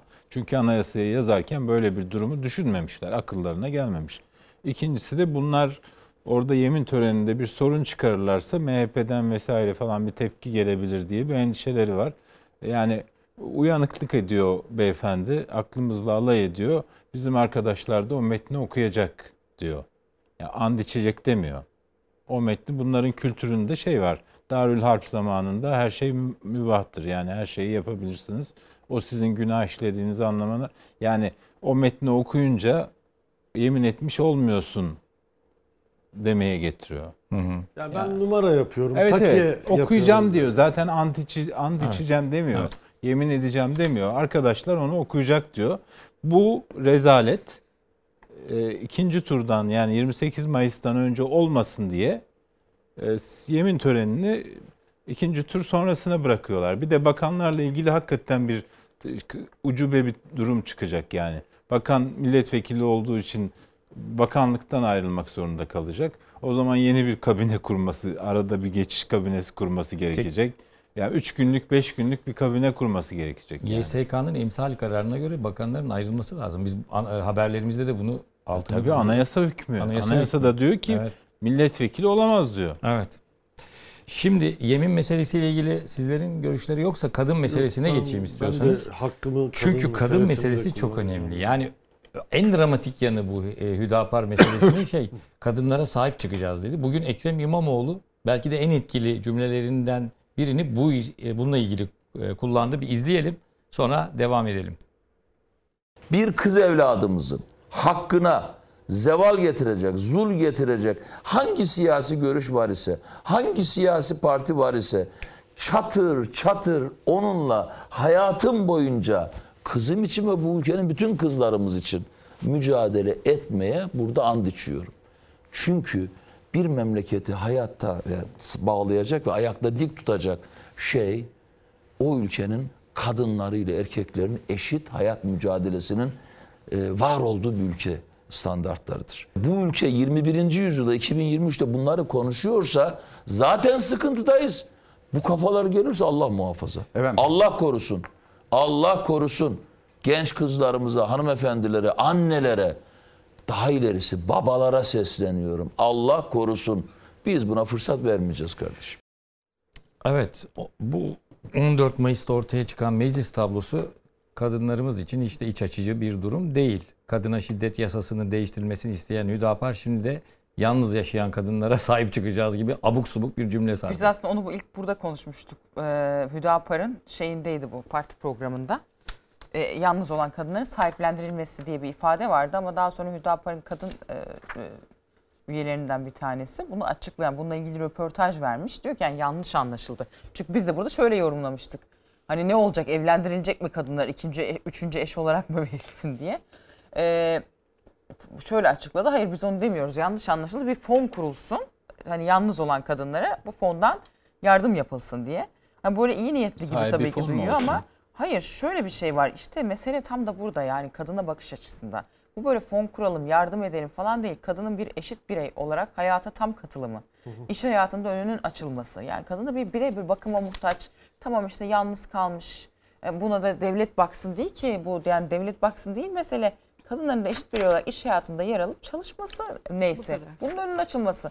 Bu anlayışın değişmesi gerekir. Ama tabii ki bu konuda şey yani muhafaza yani Hüdapar çizgisindeki bir partinin e, o noktaya gelmesi çok zor. Onlar başka bir şeyi temsil ediyorlar siyasette. Evet. Burası Çiğdem Afganistan. Beyefendi de El-Kaide adına açıklama yapıyor. Yalnız yaşayan kadınların sahiplendirilmesi diye. Ama buna- gelinen meclisteki aritmetikte tabii buraya girince bu cesareti de buluyor tabii. Buluyor ve bu 100 yıl sonra Cumhuriyet'in 100. yılında ikinci yüzyıla girerken e, bunları bu özgüveni verildi. verildi. Yani bu cüreti gösterebilmesinin de zemini büsbütün yok değil. Var. Yani mecliste hem e, bazı yasa değişiklikleri oldu. 4 artı 4 artı 4'ten başlıyor aslında. Yani kız çocukları örgün eğitimin dışına bırakıldı. Oralardan başlıyor bu. E, ondan sonra çocuk istismarı ile ilgili bir takım ifadeleri biliyoruz. E, istismarı yapan kişiyle evlendirilmesinin önünün açılmasıyla ilgili tartışmaları hatırlayalım. Ee, yani çok fazla aslında bugüne gelen döşenen taşlar var. Adalet ve Kalkınma Partisi iktidarı tarafından. Ee, Hüdapar'ın da e, AKP tarafından onun iktidar ömrü uzasın diye meclise sokulan Hüdapar temsilcilerinde bu kadar cüretkar olmasının sebebi geriye dönüp baktığımızda en az bir 10 yıllık bunun bir geçmişinin olması. Yani ben mesela şunu da merak ediyorum. Biliyorsunuz bu kadına şiddet yasasının değiştirmesinin istenmesinden sonra özellikle yeniden Refah Partisi, Hüdapar gibi partilerin hömkürmesinden sonra Özlem Zengin, AK Parti Grup Başkan Vekili buna tepki gösterdi ve kendi mahallesinde neredeyse kadın taşlandı. Ee, ve taşlanmanın yanı sıra tehditler aldı. Şimdi Özlem Zengin bunlarla beraber, bu dört, dördüyle beraber aynı sıralarda oturacak Murat. E, oturacak şey de al- almadı. Yani net bir tutum almadı. Özür dilerim. Yani Tabii. hal- hala Yok, Adalet tabii, ve tabii, Kalkınma lütfen. Partisi e, de siyaset yapmayı sürdürüyor. Yani itiraz etti de ne oldu? Tepki gösterdi de ne oldu? Yani bu bir sonuç üretti mi Özlem Hanım açısından? Dediğin gibi e, AKP sıralarında oturacak ve orada yetkili bir konumda e, Türkiye Büyük Millet Meclisi'nde vekilliği e, sürdürecek. Yani sesini yükseltmesi, itiraz etmesi, Özlem Hanım'ın hoşnutsuzluğunu dile getirmesi fiili, etkili, hüküm doğurucu bir sonuç üretmedi. Bunda not düşmemiz gerekiyor. Evet. Şimdi gelelim Murat sen özellikle Ya bu evet, konuda lütfen. Bir, bir şey söylemek Tabii bu istiyorum. konuda sen de biliyorum. Yani bu yani yü- 100. yılındayız Cumhuriyet'in 29 Ekim'de 100. yaşını kutlayacağız. Ee, Cumhuriyet'in temel niteliklerinden biri kadın erkek eşitliğidir. Kadın ve erkeğin hukuk önünde eşitliğidir. Toplumsal cinsiyet eşitliği hatta bu- yani bun- bununla böyle de genişletilebilir. Ama şunu vurgulamak lazım. Az önce Nevşin e, söyledi. E, ya karşımızda e, kadının fıtratına göre işler falan diye böyle bir şey e, oluşturan böyle bir kavrama sahip insanlar var. Yani Öyle. kadın e, işte sadece e, hemşire olsun, ebe olsun değil mi? Başka temizlikçi olsun falan o kadar. Yani başka bir şey olmasın, otursun evinde hep çocuğuna baksın. Kariyer falan yapmasın zaten. Öyle bir şey yok. Ee, böyle bir şey var. Bu sadece Hüdapar için değil. Dediğin gibi Yeniden Refah Partisi çok mu farklı bu konuda?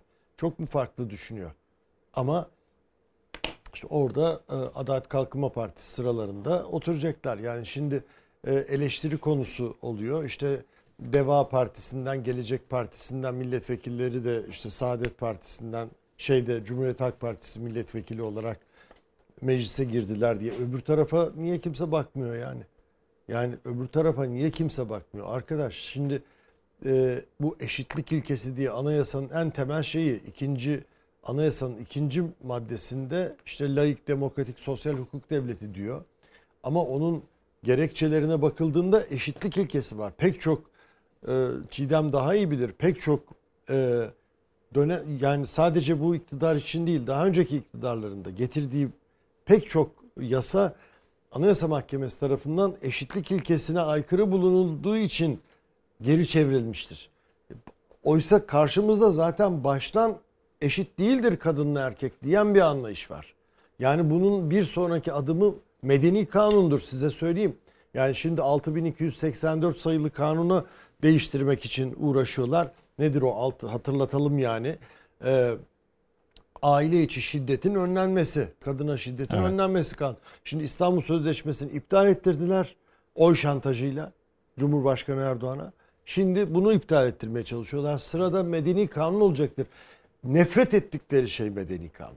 Yani medeni kanunda kadın ve erkeğin mesela mirastan eşit hak alması ya da mahkemelerde tanıklık erkekle aynı e, düzeyde tanıklık göster bunu tahammül edemiyorlar. Yani kadın nasıl olur da e, erkeğin kölesi olmaz yani böyle böyle bir şeye tahammül edemiyorlar. Yani biz burada oturup güzel güzel şeyi konuşuyoruz efendim öyle mi olsun böyle mi olsun yok fon mu olacak bilmem. Ya zaten kadını insan yerine koymuyor ki baksanıza arkadaşlar diyor ki e, kadın haklarından sorumlu güya kadın kollarından sorumlu şey diyor ki bizim erkeklerin haklarını da düşünmemiz lazım diyor. Yani kadınların hakları tamamen korunmuş, öne geçmiş. Çok fazla hakkı var kadının. Bunu söyleyen de bir kadın yani. Evet. Tamam mı? Diyor ki erkeklerin haklarını düşünmemiz lazım diyor. Utanç verici bir durumdayız yani. Maalesef. Utanç verici bir Orada durumdayız. kastettiği mesela erkeklerin sahiplenme hakkı. Tabii tabii Tabii. tabii. Yani Tabii tabii bir eşya gibi görüyorlar. yani ka- kadına ka- Hani- kadının sahibi Evet. olacak erkek. Şimdi- Yani böyle. Ya baştan bu yana orta sayfada hep şunu söylüyoruz. Gerçekten iliklerimize kadar asıl gündemin yakıcı maddesi ekonomi. Ekonomi. Ve baştan beri kameralara bizi izleyen izleyicilerimize şunu söylüyorum eee, kamerama bakarak. İster Millet İttifakı'na oy verin, ister Cumhur İttifakı'na oy verin. Emeklisi, asgari ücretlisi, eee, e, işçisi, memuru, iliklerine kadar ekonominin bütün zorluklarını hissedenler. Buyurun ekran karşısına bir gelin. Şimdi gelin asıl meseleyi konuşalım. Merkez Bankası kredi kartlarından nakit avansı sınırlama getirdi. Sonra bunu geri döndü. Fakat bu üç günlük tatilde uygulamaya girmediği için yine tüketici mağdur oldu. Peki niye yapıyor bunu tüketici? Neden nakit avans çeker? Çünkü parasını dolara karşı korumak için nakit avans çekip döviz alarak belki hayatını devam ettirme, sürdürebilme yolunu seçiyor. Hatta hatta çok daha vahim bir durum var. Kredi kartından, kuyumcudan gidip çeyrek altın alıp o çeyrek altını tekrar bir başka kuyum, kuyumcuya bozdurup nakit çekemediği için ve kredi kartından nakite çeviren e, yurttaşlarımız var. Ekonomide bugün Ekrem İmamoğlu çıktı. işte bizim programımıza katıldı. Dedi ki kardeşim gerçek gündem bu. Batıyoruz, batıyoruz, batıyoruz. Bu, bu, bu batıyoruzun göstergesi. Sen bunda devamlı kalem oynatıyorsun Çiğdem. Bu konularda çok sık yazıyorsun. Ya bunu seçmen göremiyor mu? Yani programın e, şeyinde girişinde bir, bir miktar ben buna değindim ama şöyle e, Açalım. Açalım.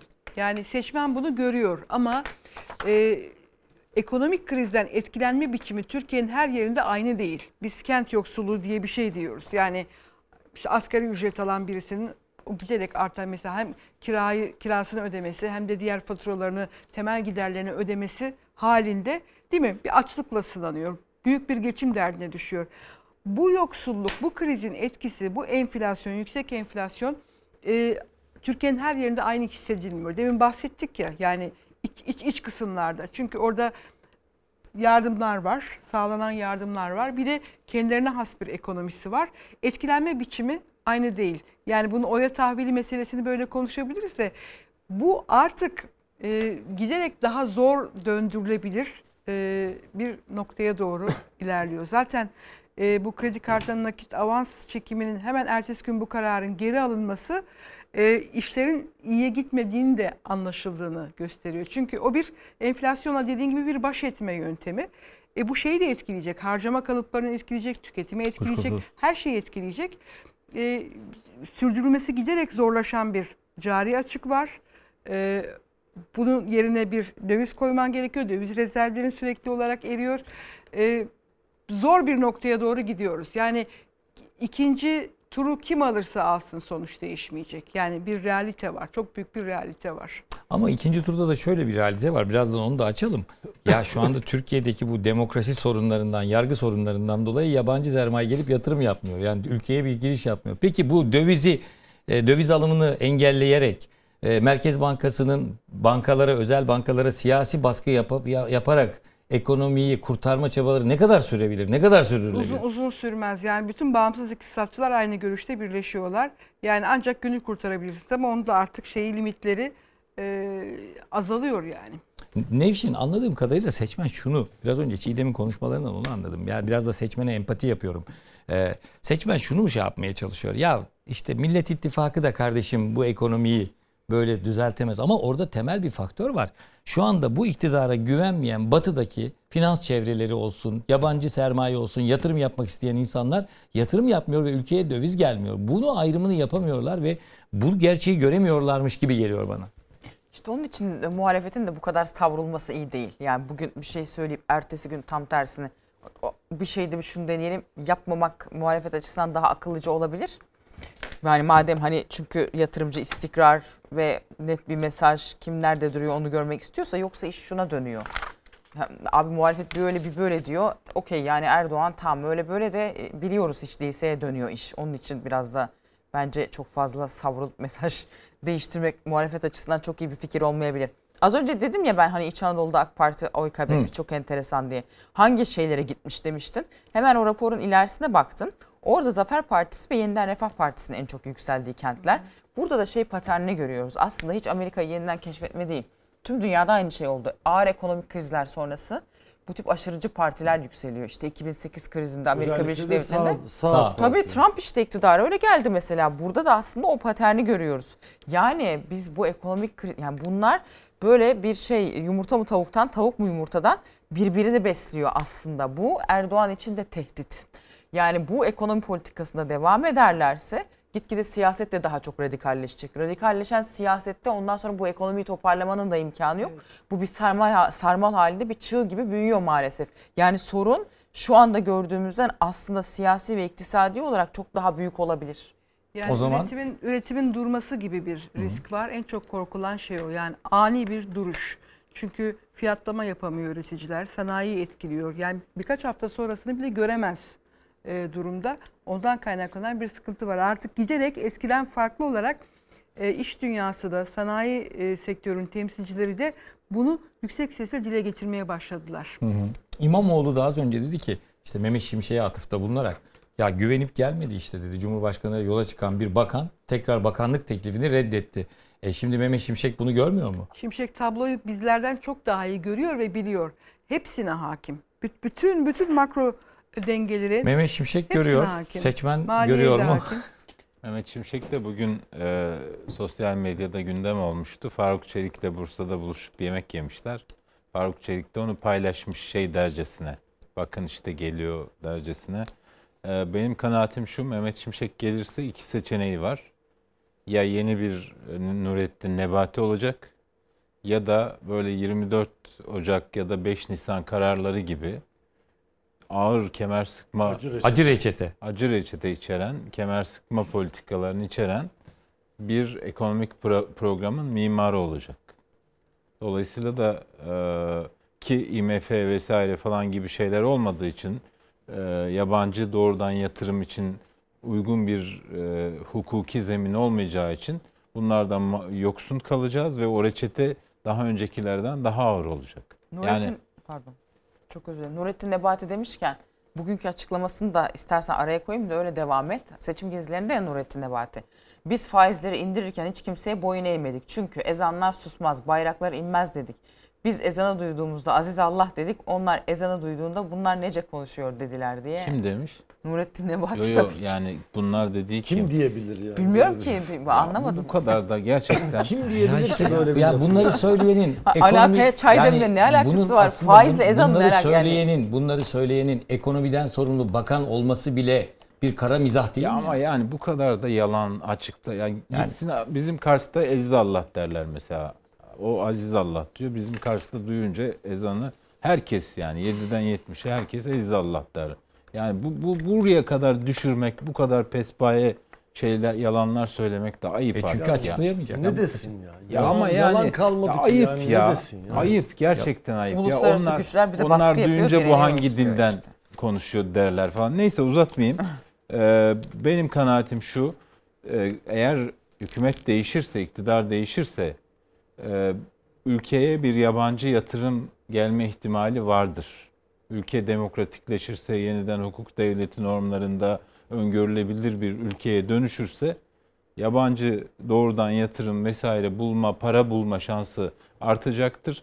Eğer bu hükümet devam ederse sadece gelip borsada işte döviz piyasalarında şurada burada böyle şey oyun gecelik oyunlarla paradan para kazananların akın ettiği bir yere dönüşürüz. Ekonomimiz de gittikçe daha da kötüleşir. Yani Tayyip Erdoğan benim kanaatimce iktidarda kalırsa eğer ya acı bir reçeteye mahkum olacağız ya ekonomimizi iyice dibe vuracak ve tamamen yoksullaşacağız. Yani yukarıda bir grup elit zenginin olduğu, aşağıda nüfusun büyük bölümünün artık orta direk orta direk de dahil tamamının yoksullaştığı bir ülkeye dönüşeceğiz. Türkmenistan gibi olacağız, Azerbaycan gibi olacağız. Biraz önce Azerbaycan'dan bahsettiniz. Yani gidin bakın Azerbaycan'a bir petrol gelirlerinden faydalanan bir zengin elit var. Geri kalanda da yoksul insanlar var. Yani siyasetin yapılmadığı, insanların demokratik olarak düşüncelerini ortaya koyamadığı bir atmosfer var. Yani bu, bu biz bununla ekonomi üzerinden söylüyorum karşılaşacağız. Gidişat o. Evet. Şimdi Murat'a tam da oradan e, söz vereceğim. Demokratik tepkilerini ortaya koyamayacağı, yoksulluğun daha da derinleşeceği, e, insanların daha da ekonomiyi ekonomiden dolayı e, bunalacağı bir dönemde demokrasinin olmaması, iktidar eğer meclisi de elinde bulundurur, e, hem meclisi hem de cumhurbaşkanlığını elinde bulundurunca o zaman insanlar nefes alamayacak. Yani bir denge bozulacak. İşte tam o sırada Ekrem İmamoğlu bugün ilginç bir şey söyledi. Dedi ki mecliste bir çoğunluk var. Bunu Cumhurbaşkanını Kılıçdaroğlu'nu seçerek dengeleyin. Çünkü bu ikisi denge unsurudur. Bu ülkenin dengede kalabilmesi için çok önemlidir dedi. İzleyelim sonra Murat Yetkin'le devam edeceğiz. Siz ikinci turu yaşamış, umudun ne olduğunu bilen bir politikacısınız. Samimi olarak görüşleriniz ikinci turda ne olur? Birinci turdan çok daha kolay. Yani birinci tur daha zor. Aynı 31 Mart gibi. Ajans sürecinin sonuca etkisi olması için yine bir kurgu vardı. Nokta. Kurgu vardı. Yani Vardı. ben şöyle ben size söyleyeyim. 50-03 ile seçimi kazanmak için hesap yaptılar. Biz oyunu Sayın Mansur Yavaş'la bozduk. Kılıçdaroğlu'na vatan haini dedi. Ekrem İmamoğlu'na vatan haini dedi. partimizi ve o ittifakı hainlikle suçladı. Terör örgütleriyle ilişkide suçladı. Bunu yaptı ve kısmen başarılı oldu. Peki neden cevap veremediniz ya da Şöyle- yetersiz mi kaldınız? Şöyle Ne yalan oldu? konuşmayı bilmiyoruz.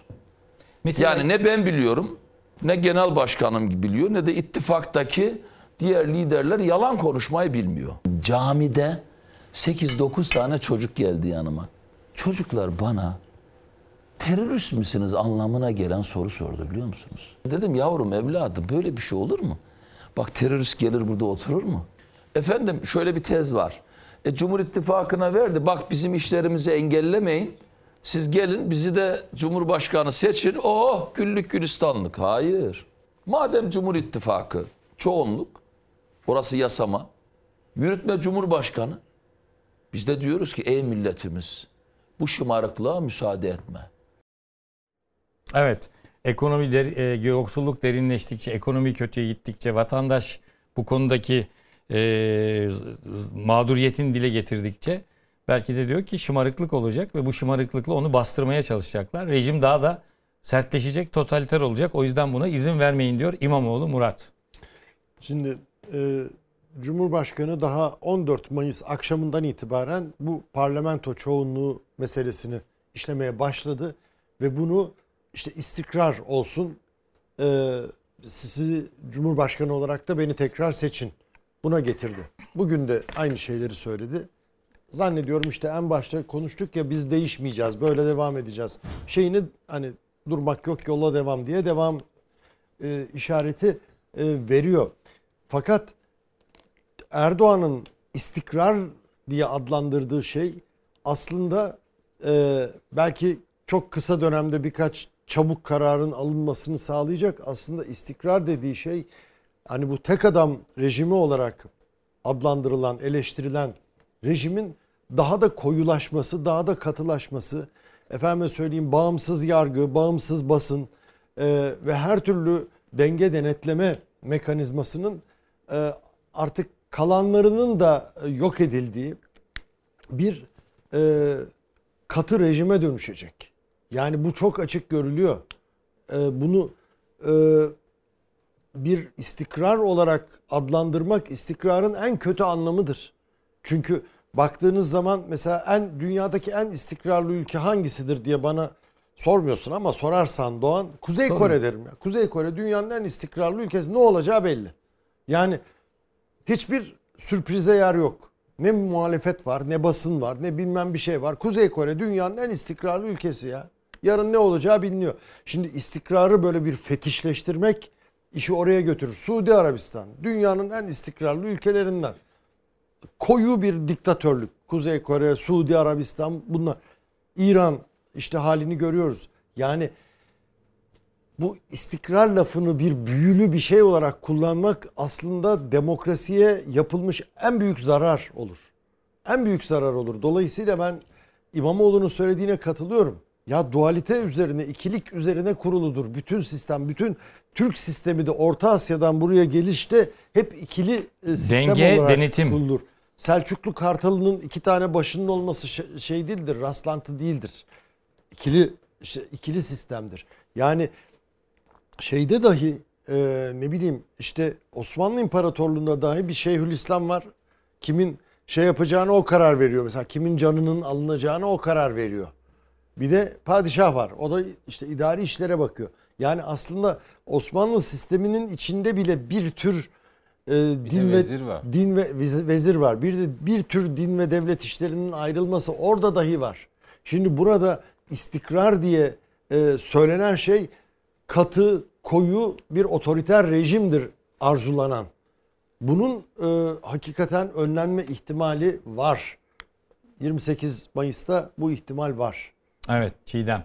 Kaldı ki 2018'de bu Cumhurbaşkanlığı hükümet sistemine geçilirken e, bu sistemin kuvvetler ayrılığını yok edeceği, kaldıracağı eleştirisine karşılık Erdoğan çıkıp demişti ki esas kuvvetler ayrılığı şimdi gelecek. Orada meclis olacak, burada Cumhurbaşkanlığı olacak.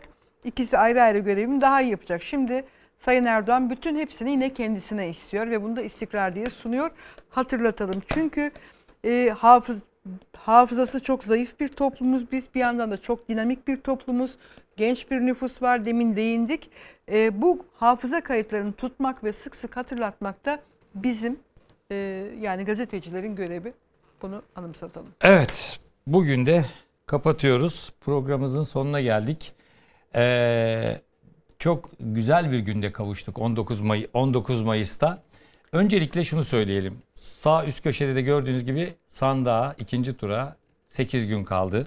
İki şey çok önemli. Bunu bütün programlarımızda hatırlatacağız ama siz de lütfen buna çok dikkat edin. Bir, sandığa gidin. Sandığa gidin. Sa- Sandıkta katılım çok yüksek olsun. Demokrasi açısından çok önemli bu. İki, sandığınıza bu kez sonuna kadar sahip çıkın. Çünkü bu sizin anayasal hakkınız. Yurttaş olarak oradan ayrılmayın. Oylarınıza sahip çıkın çünkü oy namustur. Evet güzel bir günde kavuşmuştuk kavuştuk dedik. 19 Mayıs. Şimdi artık 20 Mayıs'a girdik. 19 Mayıs ruhu ne demek? Umut demek. Ebedi ve tek başkomutan Atatürk umutsuz durum yoktur. Umutsuz insanlar vardır. Hiçbir şekilde umudumu kaybetmedim. Hiçbir şekilde umudumu kaybetmedim diyor. Ve onunla veda ediyoruz tekrar. Ee, 19 Mayıs ruhuyla veda ediyoruz. Haft Deniz bir şey çizdin mi bu, bu arada 19 Mayıs'la ilgili? Onu soralım. Unuttum ben bağışla. Bayağı da güzel çizmiş ben görüyorum. Hadi ya. Sen onu görüyorsun. Ben görüyorum kopya çekiyorum. Evet Yo, ben de Ben görebilir buradan miyim? göremiyorum tabii buradan. Evet. Ha evet. Evet. Mustafa Kemal Mustafa yürüyor. Kemal ne Teftiş. diyor? Ordu teftişinde. 19 Mayıs. Yani Na- şey e, Samsun'a girdiği Evet. Öyle hayal etmiş sanatçı Deniz arkadaş. Nazım Güzel Hikmet'in olmuş. Kuvayi Milliye Destanı'nda ne Şuraya- diyordu? şuraya da Şayak bir kalpaklı ağaç adam ne zaman ve nasıl geleceğini bilmediği o güzel günlere inanıyordu diyor. evet Haftaya tekrar kavuşmak dileğiyle hoşçakalın.